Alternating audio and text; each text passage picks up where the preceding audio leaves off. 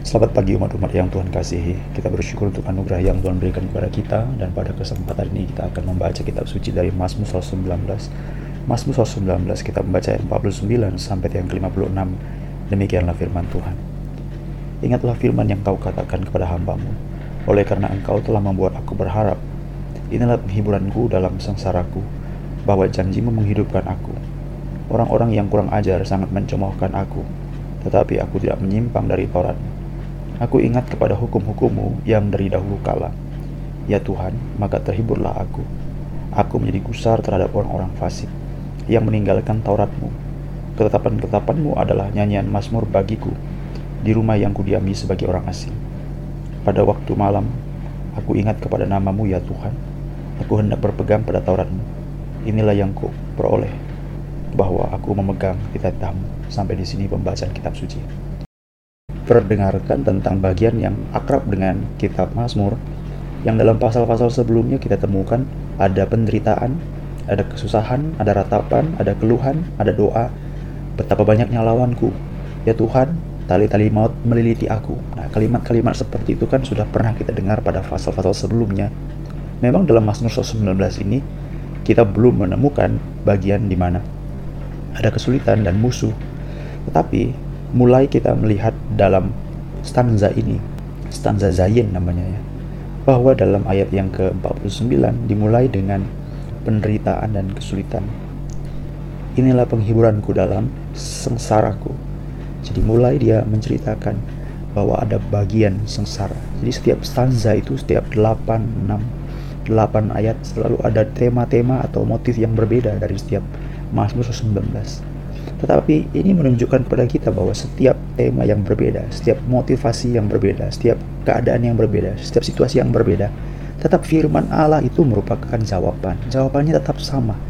Apakah saudara berasal dari latar belakang apa pun juga, saudara memiliki kebutuhan apa pun juga, sebenarnya jawabannya adalah sama. Bagaimana firman Allah itu akan membentuk, akan menjawab, akan menjadi puncak daripada seluruh perjalanan iman kita.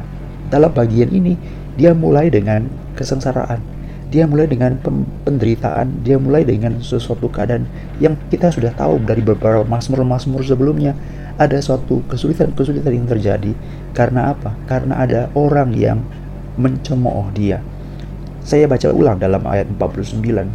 Ingatlah firman yang kau katakan kepada hambamu, oleh karena engkau telah membuat aku berharap. Inilah penghiburanku dalam sengsaraku bahwa janjimu menghidupkan aku. Jadi terus terang ada suatu kata sengsara, penghiburan dalam sengsara. Nah, saudara dikasih Tuhan, pada waktu kita memikirkan stanza ini, kita bukan hanya sekedar memikirkan tentang kesusahan yang kesengsaraannya, tapi kadang-kadang kita lupa bahwa kesengsaraan yang dialami dalam kitab suci itu beda dengan kesengsaraan yang kita alami ya. Kesengsaraan yang dialami dalam kitab suci itu sering kali merupakan kesengsaraan yang suci, kesengsaraan yang kudus. Karena nama Tuhan mereka dianiaya karena mempertahankan iman mereka dianiaya. Tapi sering kali sebenarnya kalau kita mau jujur sengsara dan susah yang kita alami itu karena dosa dan pelanggaran kita. Karena kita meladeni keinginan daging. Jadi Paulus berkata pada Timotius karena mengejar uang lah karena cinta uang lah maka orang menyiksa diri dirinya dengan berbagi-bagi duka cita. Ya saudara tidak mampu sebenarnya tapi saudara kredit mobil lalu saudara dikejar-kejar ya susah lah saudara-saudara ya. Saudara sebenarnya tidak mampu tapi saudara sewa rumah yang lebih besar saudara sebenarnya mampu tapi pengeluaran saudara lebih besar. Saudara ikut sana ikut sini sehingga social cost biaya sosial saudara semakin tinggi.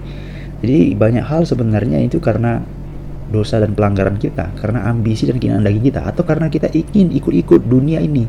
Orang bikin apa kita bikin itu juga. Kita pikir ya orang semua seperti itu ya berarti aku juga harus ikut. Padahal masing-masing orang itu punya kemampuan yang berbeda-beda kita harus menyadari siapa diri kita. Kita harus menyadari, belajar untuk mengerti panggilan Tuhan kepada kita itu secara khusus dan tersendiri itu apa. Jadi panggilan Tuhan kepada Yohanes Pembaptis itu berbeda dengan panggilan Tuhan kepada para rasul. Panggilan Tuhan kepada rasul itu berbeda dengan panggilan Tuhan kepada penginjil-penginjil abad pertama dalam gereja mula-mula seperti Barnabas, seperti Silas. Mereka berbeda. Jadi itu sebabnya kita harus mengerti siapa diri kita, panggilan kita, dan bagaimana Tuhan mau menjalankan kehendaknya dalam hidup kita. Jadi tidak semua orang bisa sama, saudara-saudara. Inilah sebabnya kita mengalami derita, menyiksa diri dengan berbagai-bagai duka. Tapi dalam Mazmur 19 kembali lagi, walaupun itu karena dosa dan pelanggaran kita, tetap firman Allah merupakan jawaban yang sama. Karena dalam Mazmur 19 ayat yang ke-50 dikatakan inilah penghiburanku dalam sengsaraku bahwa janji menghidupkan aku. Dalam stanza ini saudara-saudara kita lihat bagaimana firman Allah menjadi penghiburan dalam ayat 50 inilah penghiburanku. Apa penghiburannya? Janjimu menghidupkan aku. Indah sekali. Janjimu menghidupkan aku. Jadi benar-benar bahwa firman Tuhan adalah penghiburan bagi dia. Ayat 52 juga diulang lagi. Aku ingat kepada hukum-hukummu yang dari dahulu kala ya Tuhan, maka terhiburlah aku. Jadi apa penghiburanmu? Janji Tuhan. Apa penghiburanmu? Hukum-hukum Tuhan. Mengingatkan lagi saudara-saudara dalam Mazmur 19, tema yang dibicarakan dalam Mazmur 19 adalah firman Tuhan. Istilah firman Tuhan diceritakan dalam tujuh varian atau tujuh istilah. Jadi kadang-kadang disebut sebagai hukum, itu artinya firman Tuhan juga.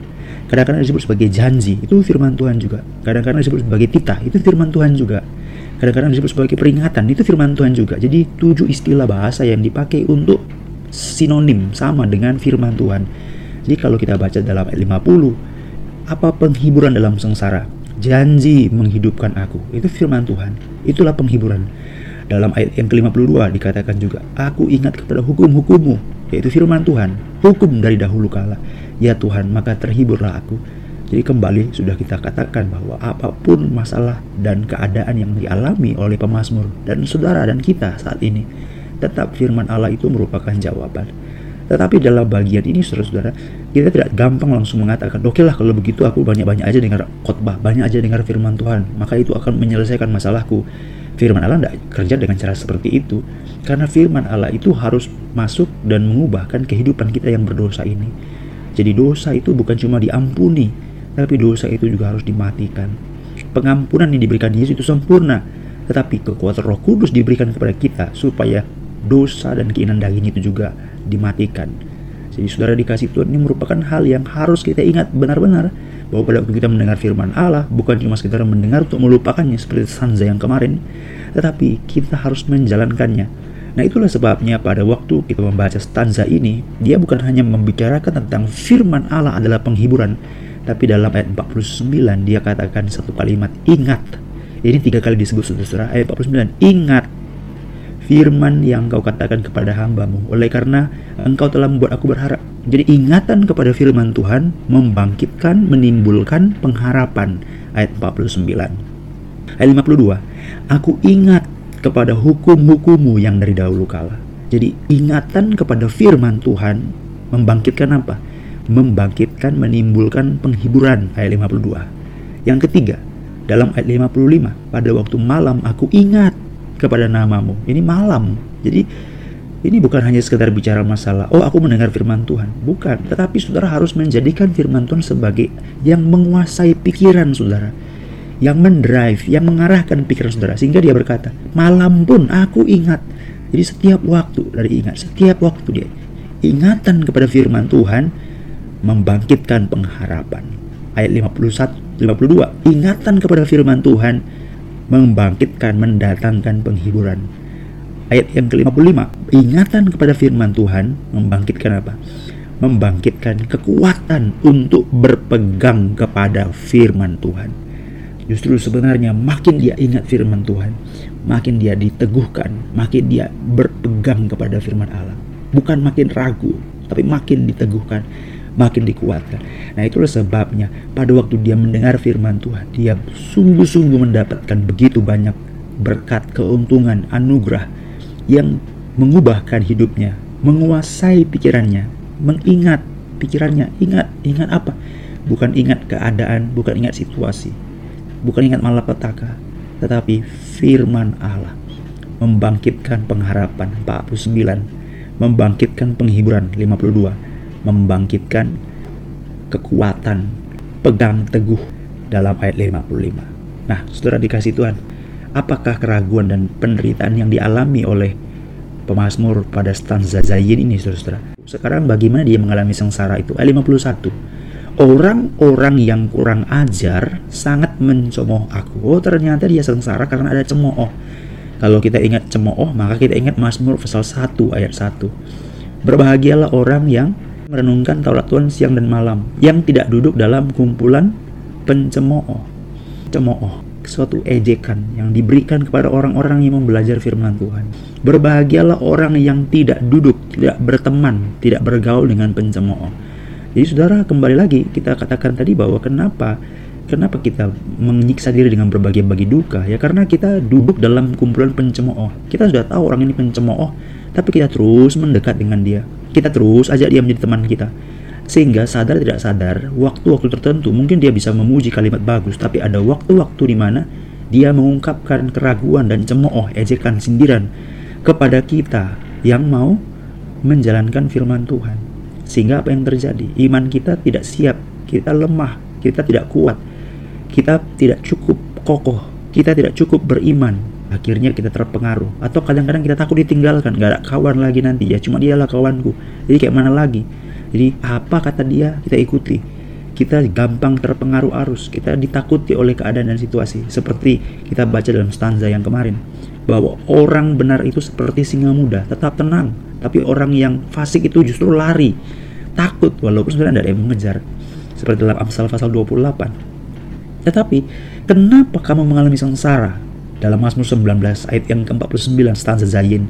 Karena ada orang yang mencemooh aku tetapi saudara lihat betapa sucinya orang ini. Mengapa?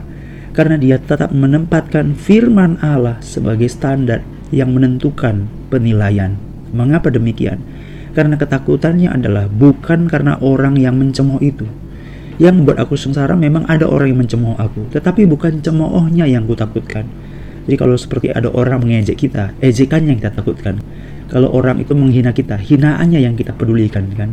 Dalam Mazmur ini, bukan tentang cemoohnya yang dipedulikan, bukan tentang orangnya yang mencemooh yang dipedulikan, tetapi siapa? Ayat 53, saudara-saudara. Aku menjadi gusar, gusar kepada siapa? Gusar terhadap orang-orang fasik yang meninggalkan Tauratmu. Kekhawatiran dia, kegusaran dia bukanlah karena cemoohnya. Kekhawatiran dia, kegusarannya bukanlah karena orang yang mencemooh tetapi karena orang itu meninggalkan firman Tuhan. Ini menimbulkan suatu kasih untuk pemberitaan Injil. Kamu memencemooh, nanti kalau kamu dengar firman Allah, kamu akan diubahkan. Sama seperti aku pun, aku pun ingat terus, ingat terus, pikiranku terus dipenuhi oleh firman Allah. Sehingga tidak ada lagi tempat untuk mencemooh, tidak lagi waktu untuk menghina, karena seluruh pikiranku dan hidupku itu dipenuhi oleh firman Allah. Demikianlah biarlah beban kasih, beban Injil muncul dalam diri kita. Jadi tiga hal yang kita pelajari hari ini, yaitu bahwa apa pun keadaannya, penghiburan itu adalah firman Tuhan. Yang kedua, dia betul-betul dikuasai oleh firman Allah. Ingat, ingat, ingat tiga kali ayat 49, ayat 52, 55. Ingat, ingat, ingatan kepada firman Allah membangkitkan penghiburan. Ingatan kepada firman Allah membangkitkan pengharapan. Ingatkan kepada firman Allah membangkitkan kekuatan untuk berpegang terus. Dan yang terakhir, pada waktu dia melihat kesengsaraan, dia bukan lihat orangnya, dia bukan lihat cemoohnya, tapi lihat beban Injil, beban kasih, supaya orang-orang itu jangan meninggalkan firman Allah. Marilah kita berdoa.